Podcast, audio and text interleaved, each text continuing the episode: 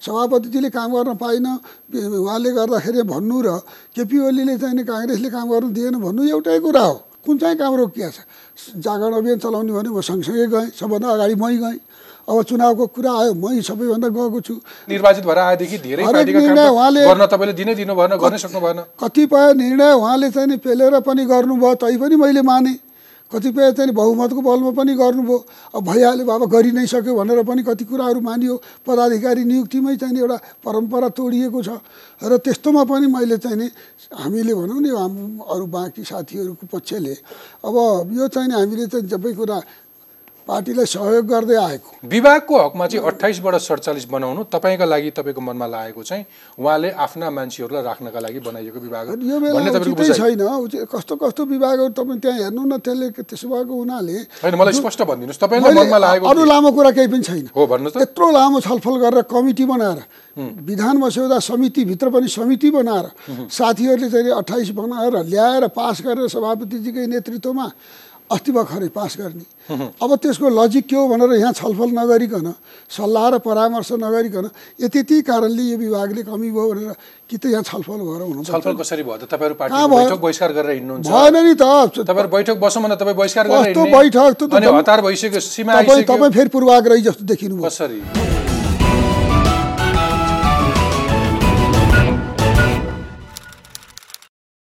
हाम्रो पार्टी किन अप्ठ्यारोमा छ?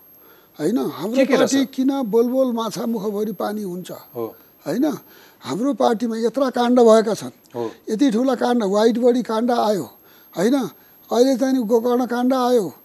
यो चाहिँ नि अहिले चाहिँ बालुवाटार काण्ड आयो। यी सारा चाहिँ नि काण्डमाथि काण्ड आएका छन्। होइन?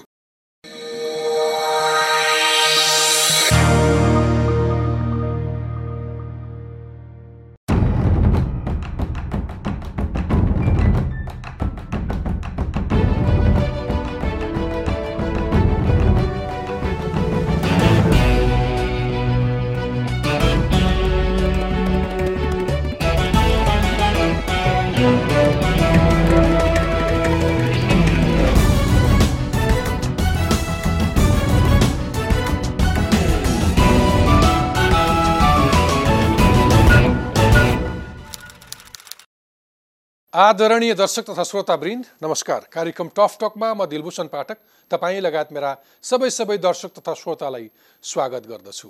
हिमालय टेलिभिजनमा हरेक बिहिबार राति नौ बजे प्रसारण हुने यो कार्यक्रम तपाईँ टफ टकको आफ्नो युट्युब च्यानलमा। टफ टक प्रस्तुतकर्ता इन्टरफेस नेपालको web page interface Nepal dot com र हाम्रो पात्रो एपमा हेर्न तथा आइएस चलाउने श्रोताहरूले आइट्युन्स र एन्ड्रोइड चलाउने श्रोताहरूले नेपाली पडकास्टमा पनि टफ टक सुन्न सक्नुहुनेछ। यो साता वर्षौँदेखि चिनी उद्योगीहरूबाट ठगिँदै आएका सर्लाहीका उखु किसानहरू हार गुहार गर्दै राजधानी आइपुगेका छन्। पुसको मुटु कमाउने जाडोमा तराईबाट उनीहरूले काठमाडौँको माइतीघर मण्डलामा धर्ना बस्दै आफ्नो बक्यौता उठाइदिन सरकारलाई गुहारेका छन्। तर समाजवादी लक्ष्य भन्दै लम्किरहेको यो सरकारले न त गरिब किसान ठग्ने उद्योगीहरूलाई त लगाउन सकेको छ न त क्षतिपूर्ति दिलाउन नै। अनि यदि तपाईँ सामाजिक सञ्जाल चलाउनुहुन्छ र मन लाग्दै लेख्नुहुन्छ भने होसियार हुनुहोला। सामाजिक सञ्जालमा लेखे बापत मुद्दा चलाएर जेल हाल्न सक्ने खालका प्रावधान सहितको सूचना प्रविधि विधेयक संसदीय समितिबाट पास भएको छ र यो विधेयक पूर्ण सदनमा हुबहु पारित भए त्यसले नागरिकहरूको अभिव्यक्ति स्वतन्त्रता कुण्ठित हुने भन्दै नागरिक स्तरबाट व्यापक विरोध सुरु भएको छ। अनि सूचना प्रविधि विधेयकको विरोध भइरहेकै बेला गुप्तचरी प्रयोजनका लागि व्यक्तिको फोन ट्यापिङ गर्न सक्ने सम्मको प्रावधान रहेको नेपाल विशेष सेवा सम्बन्धी विधेयक पनि राष्ट्रिय सभामा पेश भएको छ। अब लागौँ आजको विषयतर्फ। झन्डै साढे सात दशकदेखि लोकतन्त्रका लागि लड्दै आएको नेपाली कङ्ग्रेस पछिल्लो समय आफै भित्रको लोकतान्त्रिक अभ्यासमा आएको रासका कारण इतिहासकै कमजोर अवस्थामा पुगेको छ। अझै वरिष्ठ नेताकै शब्दमा भन्ने हो भने नेपाली कङ्ग्रेस अहिले धरापमा परेको छ। दुई हजार चौहत्तर सालको प्रतिनिधि सभा र प्रदेश सभा चुनावमा नमिठो हार बेहोरेको काङ्ग्रेसको नेतृत्व तहमा बसेका शीर्ष नेताहरूलाई पार्टीको हैसियत खुम्चिएको भन्दा पनि आफ्नो वर्चस्व कसरी स्थापित गर्ने भन्ने कुरामा बढी चिन्ता छ। यति बेला त झन् सभापति देउबा वरिष्ठ नेता रामचन्द्र पौडेल र पूर्व महामन्त्री कृष्ण प्रसाद चिटौला नेतृत्वका मुख्य गुटको झगडाले झन रौद्र रूप लिएको छ। सभापति शेरबहादुर देउवा पक्षले एकलौटी रूपमा अर्को वर्ष फागुनमा मात्र महाधिवेशन गर्ने कार्यतालिका सार्वजनिक गरेपछि विवाद उत्कर्षमा पुगेको छ। आउँदो महाधिवेशनमा पनि नेतृत्व हुत्याउन सभापति देउबाले पार्टीको विधान नै निलम्बन गरी क्रियाशील सदस्यता सम्बन्धी प्रावधान फेरेको आफ्नो समूहको वर्चस्व बढाउन पार्टीमा विभागहरूको सङ्ख्या थपेको लगायतका आरोप पौडेल र सिटौला पक्षको छ। यही न्युमा अहिले पार्टीको बैठक बस्न छाडेको छ र नेताहरू बीच व्यक्तिगत संवाद समेत टाढिएको छ। कुनै बेला बिपी कोइरालाले नेतृत्व गरेको समाजवादी आदर्श बोकेर हिँड्ने दुई हजार सात साल दुई हजार छयालिस सालदेखि दुई हजार बैसठी त्रिसठी सालका ठुला जनआन्दोलनको समेत नेतृत्व गर्ने पार्टीमा अहिले यो हदसम्मको चरम व्यक्तिवादी र आपसी गुटबन्दी किन भइरहेको छ? एउटा ऐतिहासिक पार्टीलाई रसातलमा भसाउने खालको अवस्था कसले कसरी सृजना गर्यो? संसदमा काङ्ग्रेस किन कमजोर बनिरहेको छ? नेताहरूको यो छिनाझम्टी किन आउँदो महाधिवेशनले पार्टीलाई कता लानेछ?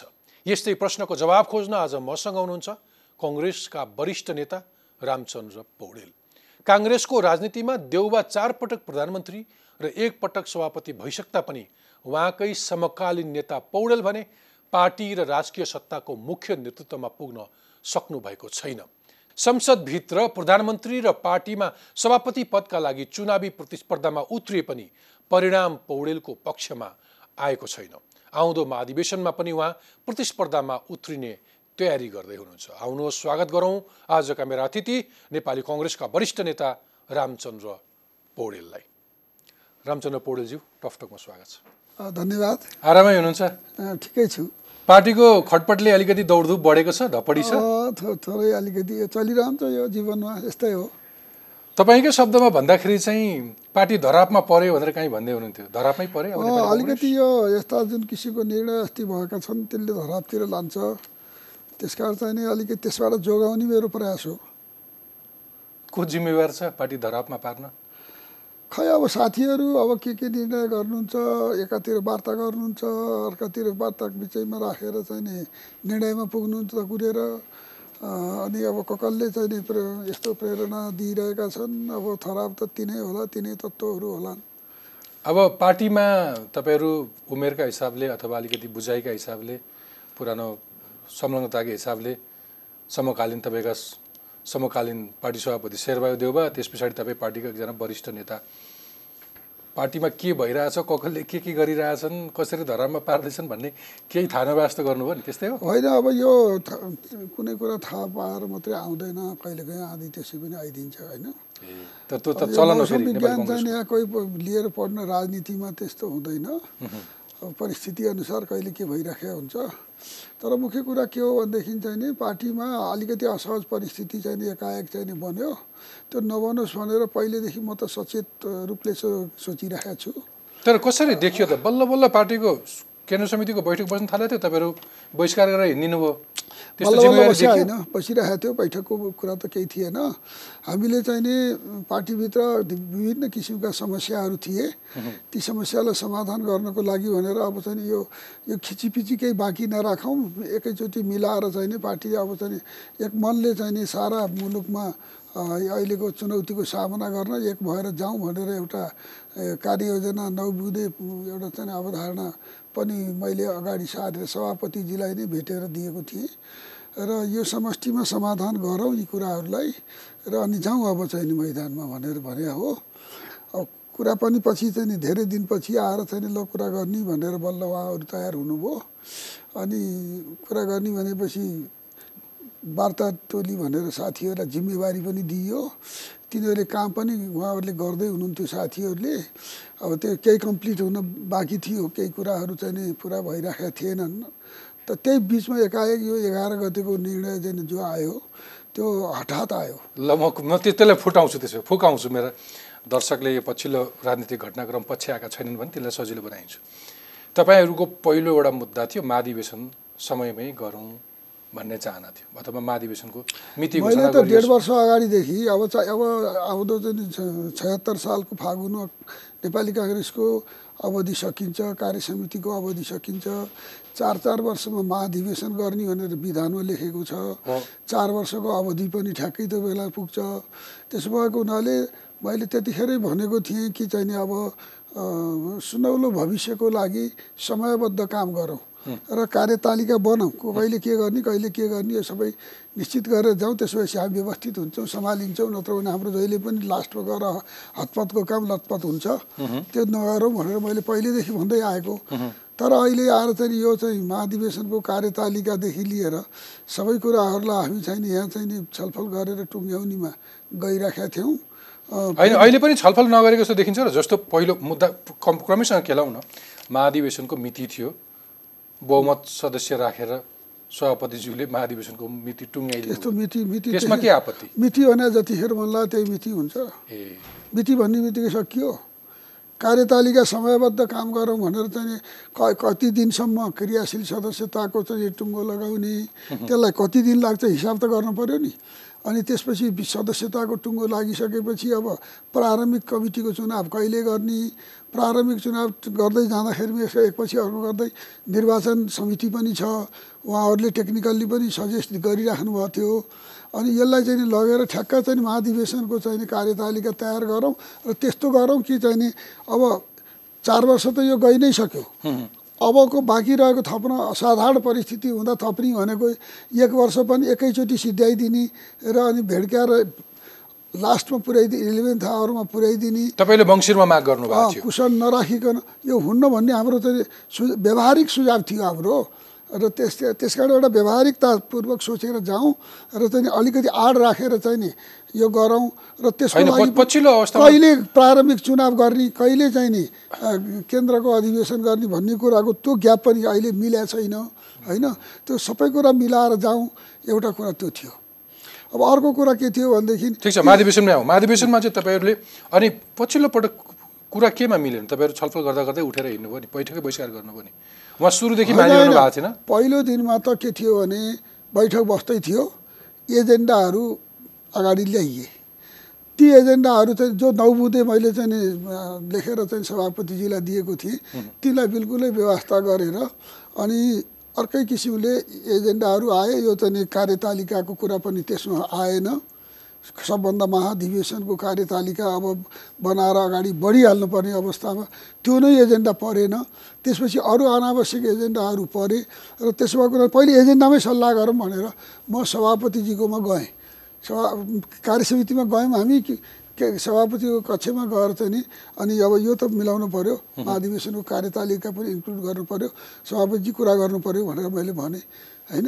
भन्दाखेरिमा उहाँले ल ए ल म चाहिँ नि अरू साथीहरूलाई बोलाउँछु तपाईँहरू माथि बस्दै गर्नुहोस् भन्नुभयो। अनि त्यहाँबाट विमलेन्द्रजी अरू साथीहरूलाई उहाँले बोलाउने कुरा गर्नुभयो। अब छलफल गरेर जवाफ दिन्छु भनेपछि म चाहिँ माथि गएर बसेँ। अरू साथीहरू पनि हामी माथि बसिराख्यौँ। अनि त उहाँहरू त त्यहाँबाट त सिधै माथि केन्द्रीय समितिमा गएर बैठक दनादन सुरु गर्नुभएछ। हामी त जिल्ला राम अब के गर्ने? होइन? अब त्यो बैठकमा कसरी जाने? यो कहिलेको कुरा हो। त्यो पहिलो बैठकको कुरा। कहाँ भइरहेको थियो बैठक? केन्द्रीय कार्यालयमा। केन्द्रीय कार्यालयमा हामी सँगै थियौँ।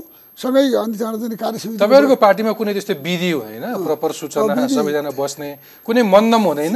अब त्यो चाहिँ एउटा कुरा के थियो भनेदेखि चाहिँ अलिकति एउटा लोकतान्त्रिक पार्टीमा त्यस्तो अगाडि अगाडि थियो चलन। म पनि कार्यतालिका बनाउने बेला अथवा सभापतिजी हामीहरू बसेर एजेन्डा बनाएर जान्थ्यौँ होइन? त्यो दिन एजेन्डा केही पदाधिकारी बस्नुभयो र बनाउनु भयो कसरी बनाउनु भयो त्यसपछि चाहिँ कुरा गर्दा गर्दै चट्टै सभापतिजी गएर चाहिँ नि मिटिङ सुरु गरिदिनु भयो। सबैभन्दा पहिले त्यो भयो त्यसपछि हामी तलै बस्यौँ। अब त हाम्रो आवश्यकता महसुस भइन्छ त्यो कार्यालयमा यसो कोही मिटिङ सुरु भयो अब बसम आउनुहोस् होइन अब किन हुँदैन? तर चाहिँ के भने हामी त भर्खरै कुरा भइरहेछ नि सभापतिसँग। होइन त्यसरी सभापतिजी फुट्टै माथि गएर चाहिँ सभा सञ्चालन सुरु गर्नुभएछ। यस्तो कहिल्यै हुँदैन थियो। पहिला हामी सबै गइसकेपछि सूचना दिएपछि अनि मात्रै उहाँ जानुहुन्थ्यो। त्यसरी चाहिँ नि उहाँले चाहिँ नि मिटिङ नै पहिले सुरुमै छलेर गरे नै मान्छु मैले यसलाई। त्यसपछि अब हामी त्यो दिन त जाने तर उहाँलाई यस्तो पनि लाग्छ एजेन्डा नै मिलेको छैन। उहाँलाई यस्तो पनि लाग्छ होला नि त सभापति हुने म अनि मेरा कुराहरू चाहिँ अब यो मैले सभापतिले नै गर्ने हो तपाईँको कुरा किन होइन जितेर सभापति हुने बित्तिकै सबै कुरा उहाँ नै अलिनर हुँदैन यो डेमोक्रेसी हो। तर नेपाली केपी कङ्ग्रेसको ओली इतिहास हेऱ्यो भने प्रधानमन्त्री बन्नुभयो। अब संवैधानिक निकाय पनि उहाँले बनाउनुहोस् अदालत पनि उहाँले बनाउनुहोस् उहाँले चाहिँ निर्णय पनि नीति पनि सबै मनोमानी ढङ्गले चलाउनुहोस्। उहाँलाई चाहिँ कुनै बन्धन नियम कतै केही छैन। त्यस्तो हुन्छ। होइन? त्यस्तो हुन्छ। किन छैन? यहाँ कतिपय व्यवस्थाहरू छन् नि डिकोरमहरू छन् नि त। तिनको पालना हुन्छ नि त जहाँ पनि। तर हरेक निर्णयलाई मेजोरिटीले त थप्पा लाउनुपर्छ नि त हुन्छ। यो हरेक निर्णयको लागि चाहिने कुराकानी छलफल हुन्छन् र वास्तवमा पार्टीको सञ्चालनको मैले एउटा फर्मुला सधैँ भनिरहेको छु कि विधिको परिधिभित्र कन्सेन्ससबाट चाहिने चलाउनुपर्छ तर विधि भने के त? बहुमत विधि पार्टीको विधान छ पार्टीको बहुमत सङ्ख्या छ, होला, अल्पमतको बोली होइन होला? बहुमत हुने बित्तिकै सबै कुरा हुँदैन। बहुमतले निर्णय गरेर मात्रै सबै कुरा बहुमत मात्रै पर्याप्त छैन विधि सम्मत के हो त? विधि सम्मत भनेको पहिले त मन छलफल- रुझाउने बाँडफाँड गर्ने पार्टीमा छलफल अनुसारका भाग बन्डा गर्ने कि त त्यो होइन तपाईँ पनि के त? पार्टीमा पहिलो त चाहिँ नि एउटा चाहिँ नि सामान्यतया चाहिँ नि नेताहरूको बिचमा पार्टीको चाहिँ पदाधिकारी छन् पार्टीका शीर्ष नेता सबै छन्। एउटा चाहिँ पार्टी कुन मर्यादाबाट कसरी चलाउने? एउटा कुरा हुन्छ नि। सैद्धान्तिक सहमति सैद्धान्तिक सहमति हुन्छ पहिल्यै। अनि त्यसलाई चाहिँ नि विधि पुरा कहिलेकाहीँ कुरा नमिल्न नि सक्छ। बहुमत अनि त्यस्तो बेला बहुमत आउँछ। अल्पमत र बहुमत कुरै मिलेन भने अब के गर्ने त भनेर।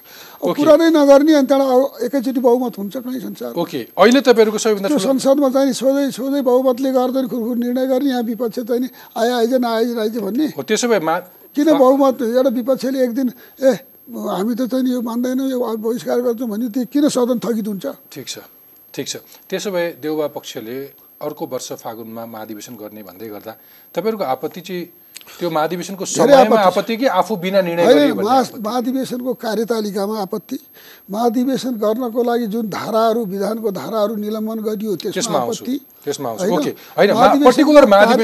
त कार्यतालिका मिलेको छैन। कार्यतालिका मिलेको छ ओके। प्र्याक्टिकल छैन। होइन। यसलाई चाहिँ अब चाहिँ यो कहिलेसम्म सदस्यताको सक्नुपर्ने र कहिलेबाट प्रारम्भिक चुनाव सुरु गर्नुपर्ने भन्ने कुरा नै त्यहाँ मिलिरहेको छ। तपाईँलाई अनि अर्को सभापतिले पार्टीका विभागहरू अठाइसवटा बढाएर सडचालिसवटा पुऱ्याउनु भयो। यसमा तपाईँहरूको आपत्ति? अब यहाँनिर के हो भनेदेखि चाहिँ नि सबभन्दा पहिलो कुरा त हाम्रो पार्टीको विधानको प्रबन्ध के हो भने यही चाहिँ सबै जति नि समितिहरू बन्छन् नि विभागहरू बन्छन् त्यो पार्टी सभापति निर्वाचित भएको दुई महिनाभित्र सबै गरिसक्नुपर्छ। पर्छ। त्यो व्यवस्था छ। तर त्यो बेलामा हामीले भन्दा भन्दै सभापतिजी अरू अरू कता लाग्नुभयो गर्नु भएन? पार भएर अब जुन तोकिएको दुई महिनाभित्रको नगर्ने होइन एकैचोटि दुई महिना अब अवधि बाँकी रहँदाखेरिमा आएर जम्मै नियुक्ति गर्ने। होइन ठिकै छ। अहिलेसम्म एक, भएको थिएन। अहिले नै आएर गर्दाखेरि पनि विभिन्न क्षेत्र हेर्ने गरी पार्टीलाई विस्तार गर्नको लागि अठाइसबाट अडचालिस बनाइयो।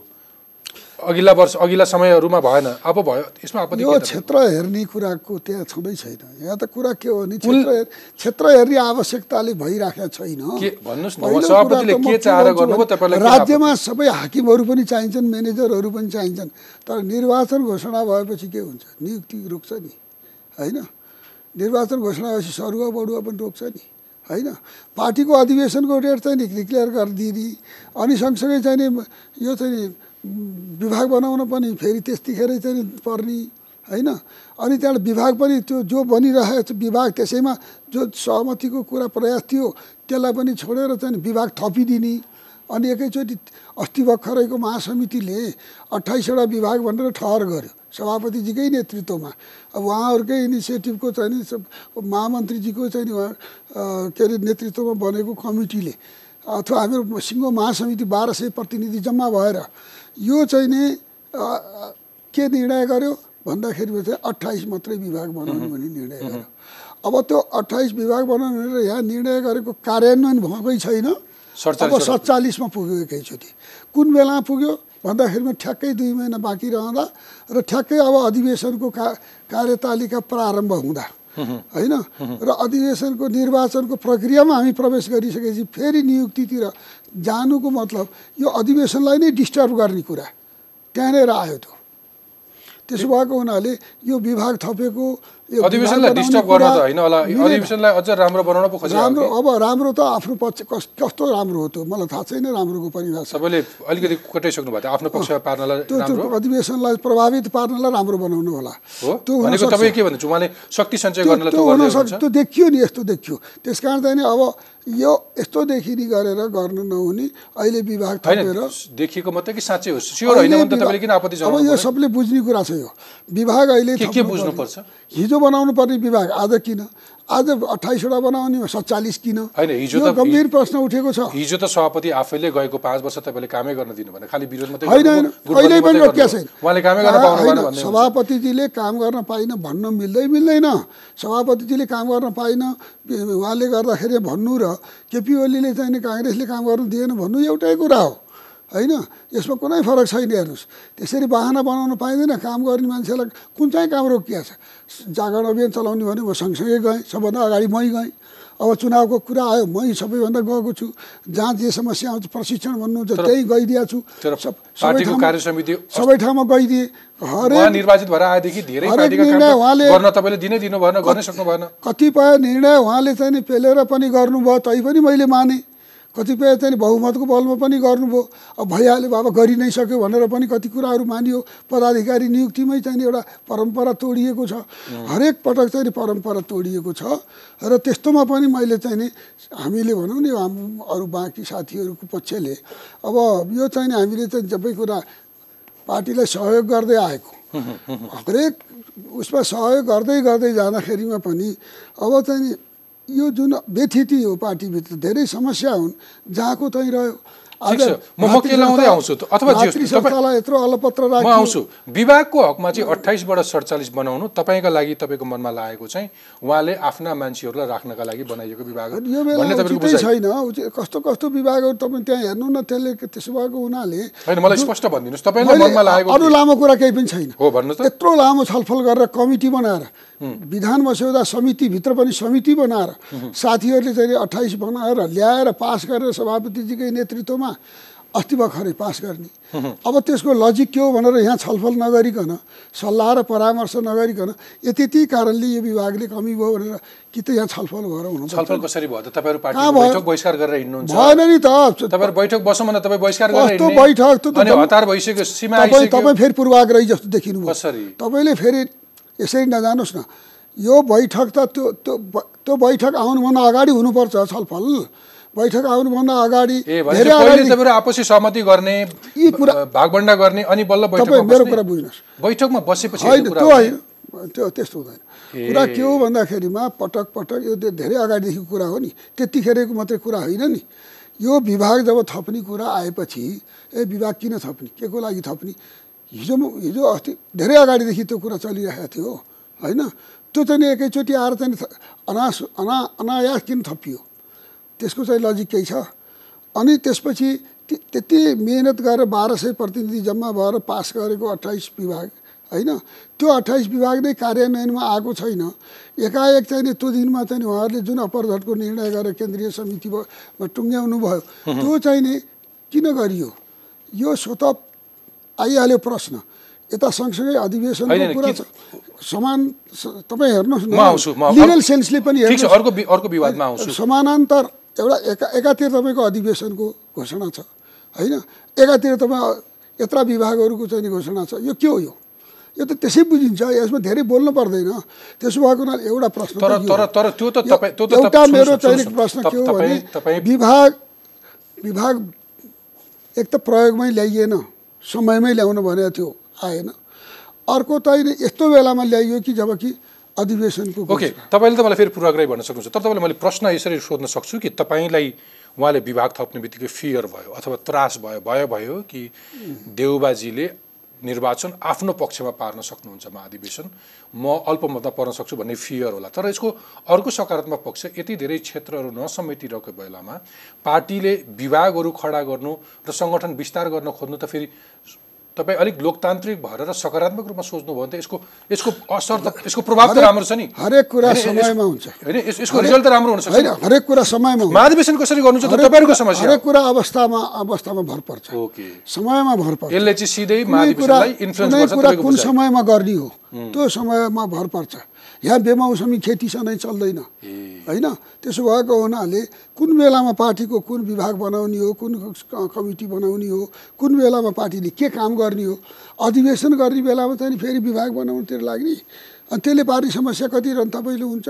मान्छे जम्मै चाहिँ नि प- मलाई मलाई मलाई होइन पोइन्टमै भनिदिनुहोस्। ठ्याक्कै तपाईँलाई मनमा लागेको ठ्याक्कै भनिदिनु भन्छ। ओके अब अर्को विवादको विषय तपाईँले उठाउनु भएको चाहिँ पार्टी सभापतिज्यूले अथवा अस्तिको पछिल्लो बैठकको बहुमतले नै भन्न पाएँ नि मैले। तपाईँहरू भलै शेरबहादुर देउबाजीले मात्रै भन्नुहुन्छ तर सभापति अथवा सभापति उहाँको सभापतित्वमा बसेको पार्टीको बहुमतले गरेको निर्णय त हो अस्तिको निर्णय। जे भए पनि। तपाईँलाई चित्त नबुझे पनि। हो नि। हो नि? हो नि? होइन? जे हो त्यसलाई त हो भन्नु पऱ्यो नि।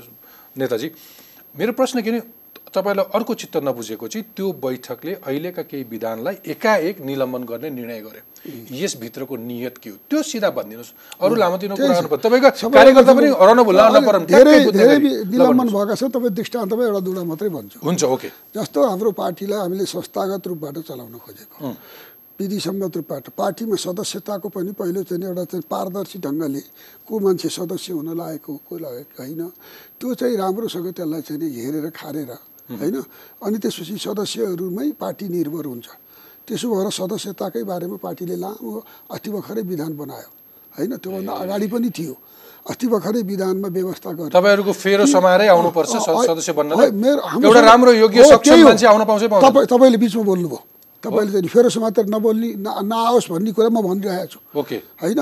र अस्ति भर्खरै हामीले विधानमा के व्यवस्था गऱ्यौँ भन्दाखेरिमा कि नेपाली काङ्ग्रेसको सदस्यता।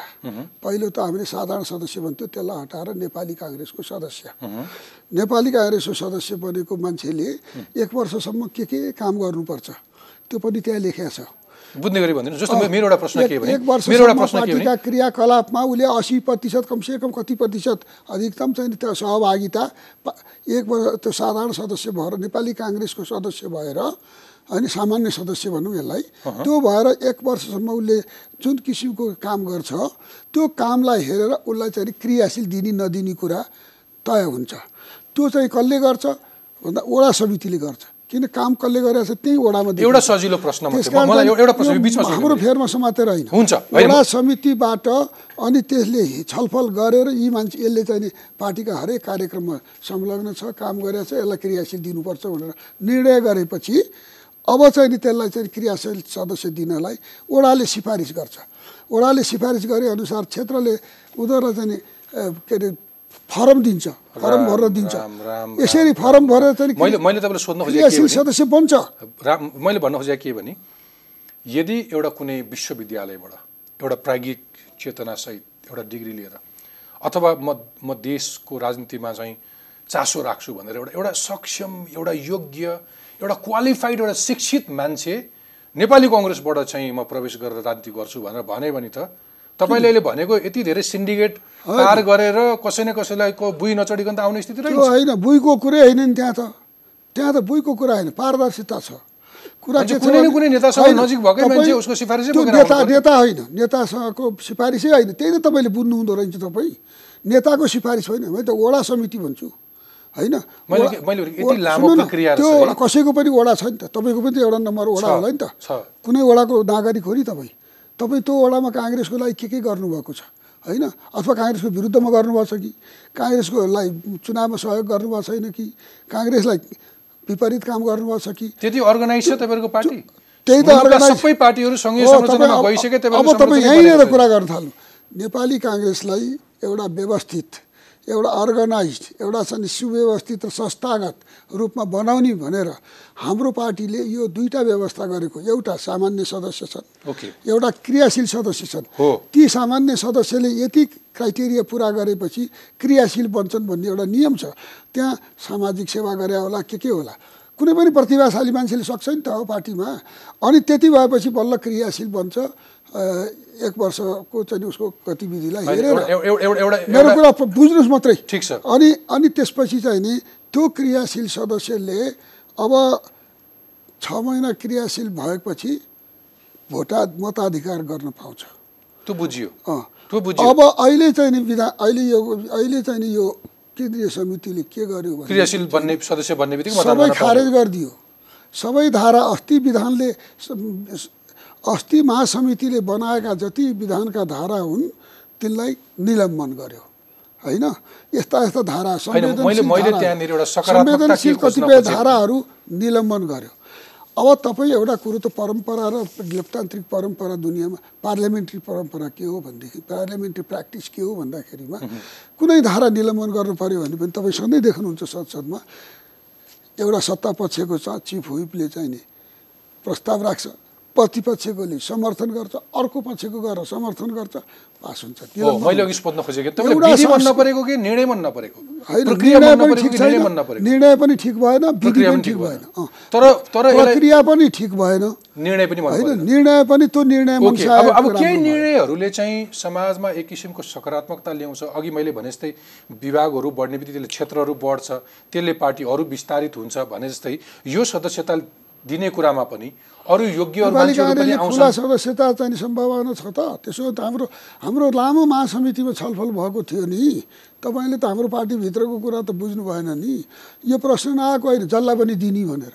तर जसलाई पनि दिँदा काङ्ग्रेस के कहाँ पुग्छ भन्ने कुरा काङ्ग्रेस पनि पुग्दैन। काम नलाग्ने मान्छेहरू बाहिरिन्छन् हाम्रो मान्छेहरू नेतृत्व कसरी। बाहिरिन्छन्? कसको पार्टी हुन्छ त्यो? प्रजातान्त्रिक समाजवादीहरूको पार्टी हुन्छ कि त्यो अराजकतावादीहरूको पार्टी हुन्छ कि? अहिले कति प्रजातान्त्रिक छ नेपाली कङ्ग्रेस? अहिले कति संयमितहरूको कसको पार्टी हुन्छ त्यो? अहिले अहिले कति विधि मान्नेहरूको पार्टी छ। त्यही त विधिको लागि लडाइँ छ। तर लडाइँ त्यहीको विधिको लागि बहस छ। हाम्रो पार्टीभित्र विधिकै लागि बहस भएको प्रक्रियाकै लागि बहस भएको पद्धति कस्तो बनाउने भन्ने कुरामा बहस? भएको छ। र पार्टीलाई संस्थागत गर्ने भनेकै यही कुरा हो। तपाईँले बुझ्नुहोस्। पार्टीलाई संस्थागत गर्ने भनेकै यिनै विधि प्रक्रियालाई मिलाएर कसरी त्यसको सदस्यता कसरी त्यसको निर्वाचन प्रणाली ओके तपाईँले मलाई बुझ्नुहोस् बुझ्नुहोस् भनेको कुरा तपाईँको पार्टीका नेताहरू कतिले बुझिया छन्? बुझ्या छन् बुझ्या छन् बुझिकन यही हालत हो पार्टीको। बुझेर चाहिँ त्यहाँ बिग्रियो। बुझि धेरै बुझेर बिग्रियो। होइन धेरै बुझ्ने अथवा चाहिँ कसैले मनसाय गलत भयो होला के भयो होला। ओके अथवा मलाई सिधा तपाईँ भनिदिनुहोस् न यी दुईटा निर्णयले पार्टीलाई हित गढी बढी गर्ने भन्दा पनि एउटा कुनै व्यक्तिको पक्षमा आफ्नो लाभका लागि लिन गरिएको छ भन्ने हो दुरुपयोग कसैले गर्छन् यहाँ। यहाँ आशंका। मैले त प्रष्ट भनिदिएको छु? आशंका आशंका पैदा गर्यो। होइन? सबै धारा एकाएक निलम्बन। त्यो पनि यो कारणले निलम्बन गरौँ यो गऱ्यो छलफल एउटा सल्लाह। त्यो बिना बिना सल्लाह र छलफल धारा निलम्बनमा आए। होइन त्यसले आशंका पैदा गर्यो। यति मात्रै भन्नु अहिले म। ओके। होइन विश्वासको सङ्कट ल्यायो। म यति मात्रै भन्छु। मैले अस्ति विमलजीलाई भनेर पठाइदिएको पनि विश्वासको सङ्कट छ पैदा गराउनु भयो तपाईँहरूले। यसलाई दूर गर्नुहोस्। ओके। अब अब अब तपाईँहरूको अब अप्रोच के हुन्छ महाधिवेशनतिर लाग्नुहुन्छ कि विवाद बखेडामा अल्मलिन्छ अब? सुन्नुहोस् मुख्य कुरा मलाई तपाईँले भन्न दिनु भएन कुरा सानो सानो कुरामा हो, लैजानु भयो ठिक छ। धेरै ठुला कुराहरू जस्तो लाग्छ सोध्नु मलाई। नपर्ने कुरा सोध्नु हो, भएको छ। होइन मुख्य कुरा के हो भनेदेखि अहिले यो पार्टीको जो चाहिँ विधान संशोधन भयो त्यो आपत्तिजनक छ हामीलाई थाहा पाइसक्यौँ किन आपत्तिजनक छ भन्दाखेरिमा यो चाहिँ नि क्रियाशील सदस्यतादेखि लिएर विभिन्न दफाहरू अनावश्यक रूपमा निलम्बन गरिएको छ बिना परामर्श बिना औचित्य सार्वजनिक भइसकेका औचित्य पुष्टि गर्नुहुन्छ? आइसक्यो। औचित्य पुष्टि नगरिकन निलम्बन गरियो। ठिक छ। अनि त्यहाँबाट चाहिँ नि चाहिँ नि यो चाहिँ कार्यतालिका पनि त्यो चाहिँ नि व्यावहारिक छैन। यसले कुसन राखेर यो कार्यतालिका बन्नु पर्थ्यो। त्यही भित्रै मिल्या छैन। कार्यतालिका सबै आइसक्यो सबै निलम्बन भइसक्यो। गर्ने कुरा केही बाँकी राख्नु भएको छैन उहाँहरूले। सबै कुरा एकैचोटि सिध्याइदिनु भयो अरूलाई बाहिर राखेर। त्यसो भएको हुनाले त्यो मिलेको छैन। यो करेक्सन हुनुपर्छ। यो मा यो चाहिँ विभाग विभागहरू पनि यसरी भर्खरै विधान बनाउने भर्खरै त्यो विधानलाई उल्ट्याउने यो पनि करेक्सन हुनुपर्छ। त्यस कारण चाहिँ नि पार्टीको महासमितिले यत्रो मिहिनेत गरेर त्यत्र दिन लगाएर गरेको बनाएको विधानलाई उहाँहरू भटाभटी उल्ट्याउनुहुन्छ केन्द्रीय समितिमा लगेर। जस्तो उहाँहरूले पहिले पनि गर्नुभएको छ देशभरि अहिले पनि त्यसको रनको छँदैछ। त्यहाँ महासमितिबाट भएको थियो दुईवटा कुरा यो महासमितिका अधिकांश सदस्यहरूले म गर्छु भनेर सभापतिले चाहिँ वोट दिनुभयो र चाहिँ रुलिङ भएको छ प्रेसिडेन्टको। रुलिङ भएर गएको पनि कार्यसमितिमा गएपछि उल्ट्याइयो कि तलबाट चुनिएर आउने कुरा। होइन? सबै सदस्य तलबाट चुनिएर आउनुपर्छ भन्ने कुरा उल्ट्याए जस्तै। अहिले फेरि अर्को उल्ट्याउने काम। एकपछि अर्को गर्दै त्यत्रो महासमितिले बाह्र सय प्रतिनिधिले जम्मा भएर गरेको कामलाई अहिले केन्द्रीय समितिले चाहिँ भटाभर्ती उल्ट्याएर आफ्नो अनुकूल हो कि के बनाउन खोज्या हो होइन? त्यो बनाएर अहिले चाहिँ यो जो चाहिँ धारा निलम्बनदेखि लिएर जुन निर्णयहरू भए यी निर्णयहरू आपत्तिजनक छन्? होइन यी तपाईँले सचिनुपर्छ तपाईँले अस्तिका बैठकहरूका अघिल्ला भेलाहरूको जतिसुकै हवाला दिए पनि अहिले सभापतिज्यूले पनि हवाला दिने ठाउँ त होला नि। मैले बहुमतका आधारमा निर्णय गरेको छु। म एकजना रामचन्द्र पौडेलको कुरालाई मान्नुपर्छ किन भनेर प्रश्न गर्नु भने तपाईँले के भन्नुहुन्छ? एकजना रामचन्द्र पौडेल हो। तपाईँ एकजना भन्न पाइन्छ। एकजना? शेरबहादुर हो अनि उहाँले बहुमतको निर्णय होइन पार्टीको। केपी ओलीले एकजना शेरबहादुर भन्न पाइन्छ होइन यहाँले यहाँ पाइन्छ।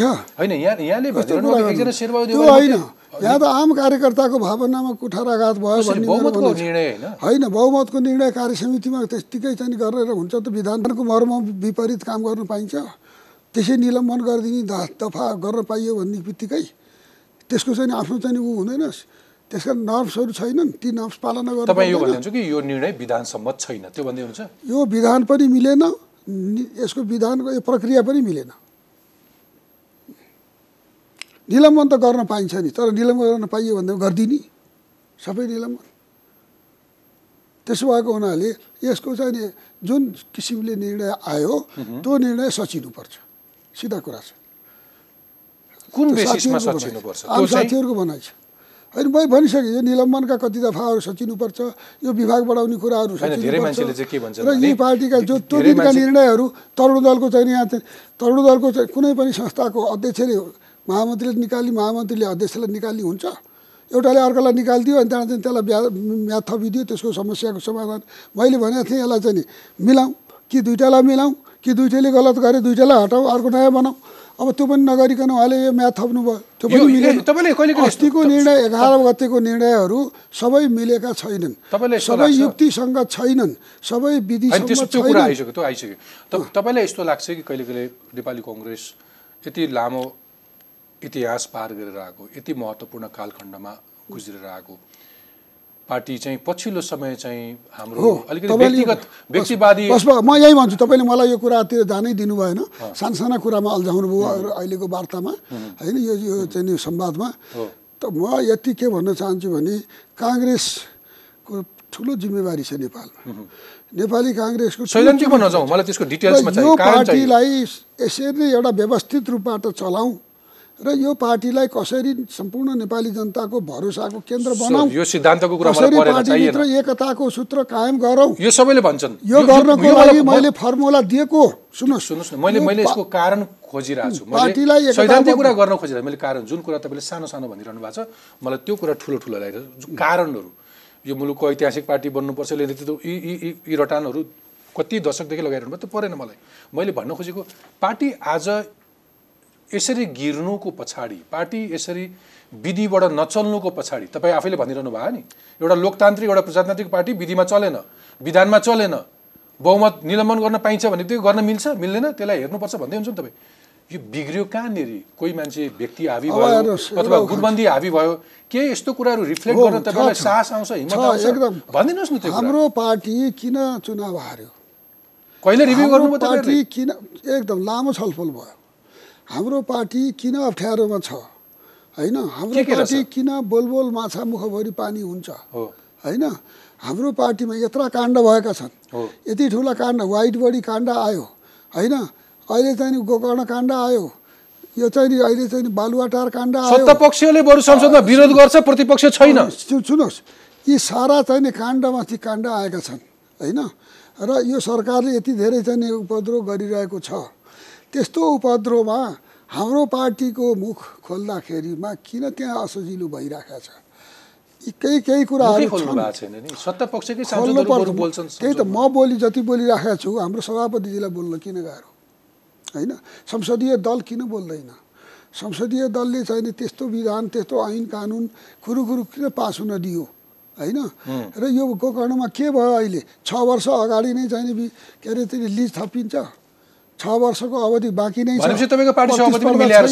प्रतिस्पर्धा छैन। बुझ्ने गरी भनिदिनुहोस् मलाई। यताउता म?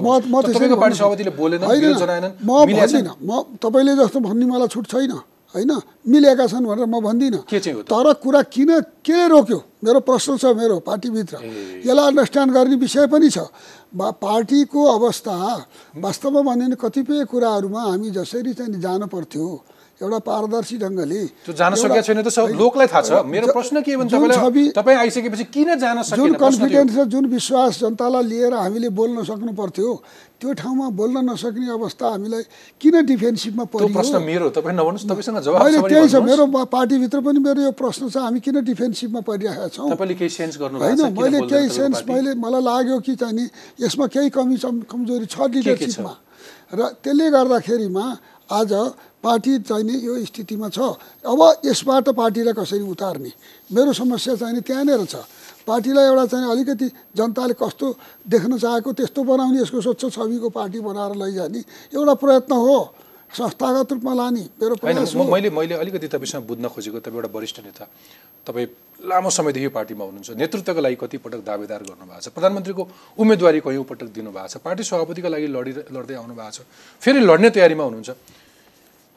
यसरी आङ्कलनमा त सक्दिनु भएन नि। आजको छलफलमा एउटा कुनै निष्कर्ष त दिनुहोस्। तैँले मलाई बोल्नै दिनुहोस् भन्दा भन्दै पनि म तपाईँलाई सजिलो बनाएर सोधिरहेको छु कि कङ्ग्रेसको आजका समस्याहरू के हुन् त? अघि मैले फेरि प्रश्न दोहोऱ्याएँ। व्यक्ति हावी भयो अथवा मान्छेको निजी स्वार्थ हावी भयो उसले आफ्नो आफू आफ्नी श्रीमती आफ्नो छोरो कोही देखेन अथवा तपाईँले पनि कोही निकटताभन्दा बाहेक अरू अलिकति ठुलो चिन्तनले सोच्न सक्नु भएन के के भयो? कस कसको के के कमजोरी मैले तपाईँलाई। पार्टीको समग्र समस्याहरू के हुन्? समीक्षा गरौँ भन्न खोजेँ। मैले भन्छु ठिकै छ।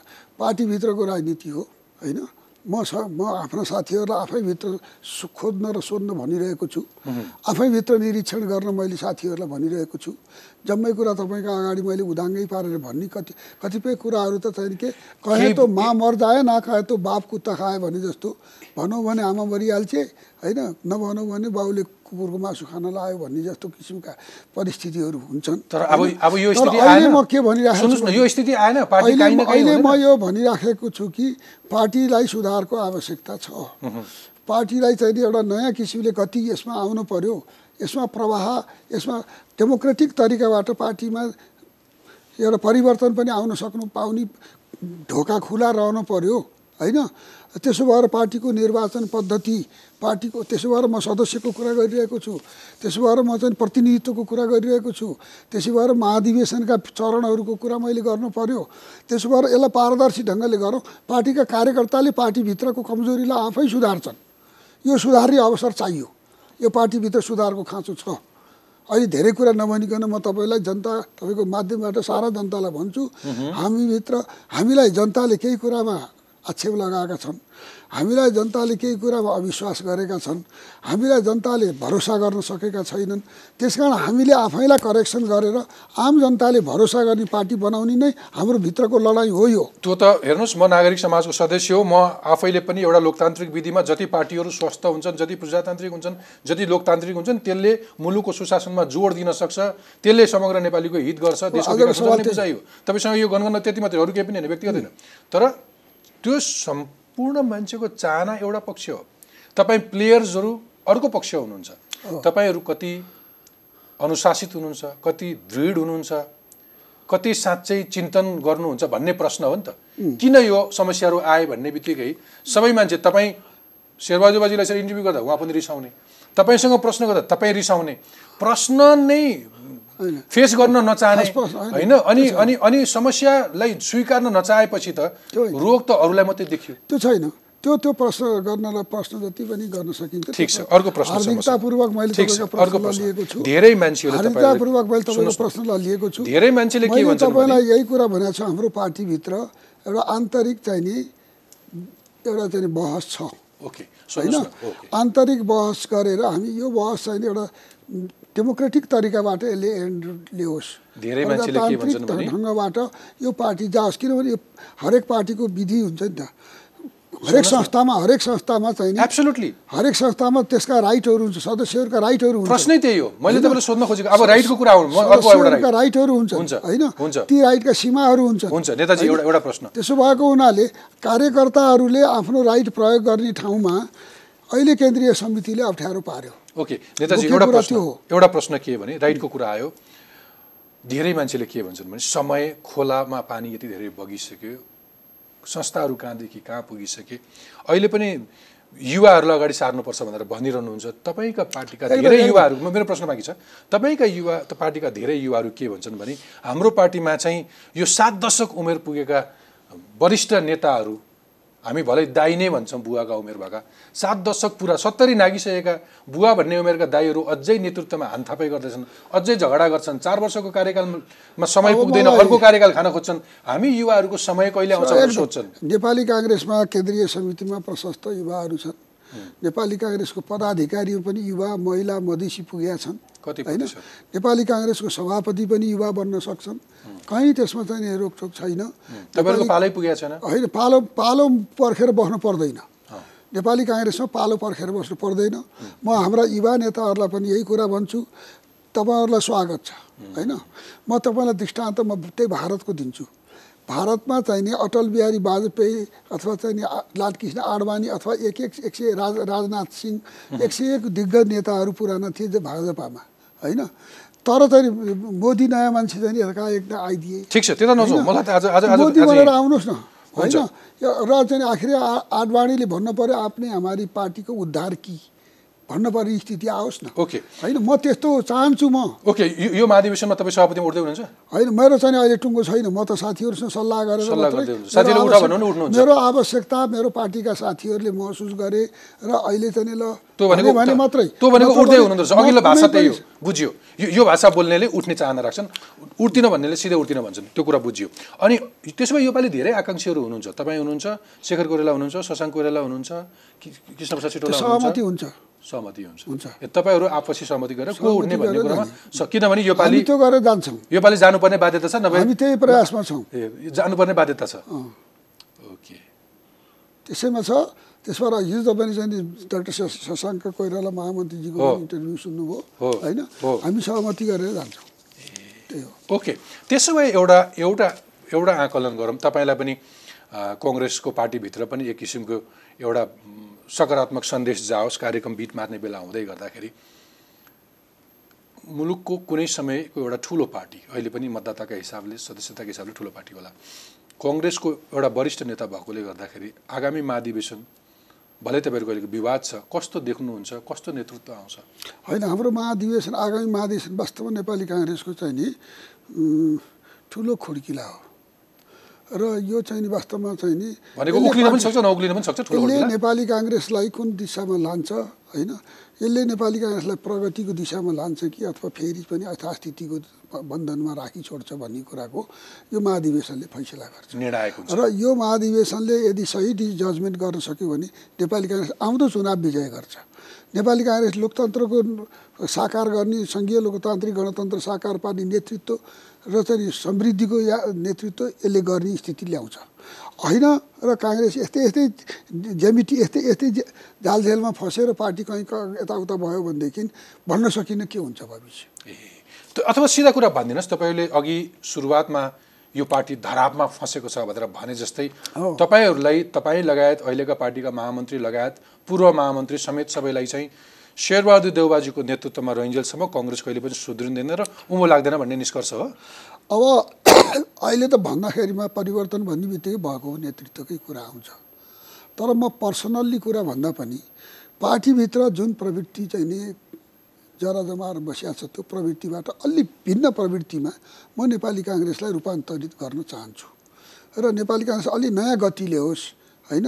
र यो चाहिँ पकड जमाउने प्र- प्रवृत्तिबाट अलि अगाडि जाओस् त्यो त जसले पनि अलिक कङ्ग्रेसमा पछिल्लो समय पनि त्यही भन्ने अहिले- शेरबहादुर पुगेपछि तपाईँले पारदर्शी चुनाव होइन पारदर्शी सदस्यता म भनिरहेको छु नि।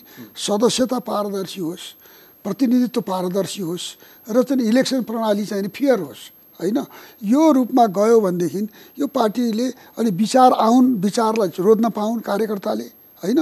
र चाहिँ एउटा नयाँ दिशा नयाँ दृष्टि भोलिको लागि नेपालको कस्तो? त्यसलाई रोज्न पाउन् निस् स्वतन्त्र ढङ्गले त्यो परिस्थितिको लागि हो मेरो अहिलेको लडाइँ। त्यो लड्न चुन्न पायो भनेदेखि नेपाल अगाडि बढ्छ। यो काङ्ग्रेस मात्रै होइन नेपाल मात्रै नेपाल सुध्रिन्छ। यो सबै काङ्ग्रेसका नेताहरूले भन्ने हो। मैले नेतृत्व पाएँ भने पार्टी बन्छ मैले नेतृत्व होइन। म म भन्दिनँ। कार्यकर्ताले रोजुन् न। हुन्छ? रामचन्द्र पौडेल चाहिँ तपाईँको महत्त्वपूर्ण समय विचार र यो यो शालीनतापूर्वक तपाईँले हरेक प्रश्नको जवाब दिनुभएकोमा धेरै धेरै धन्यवाद।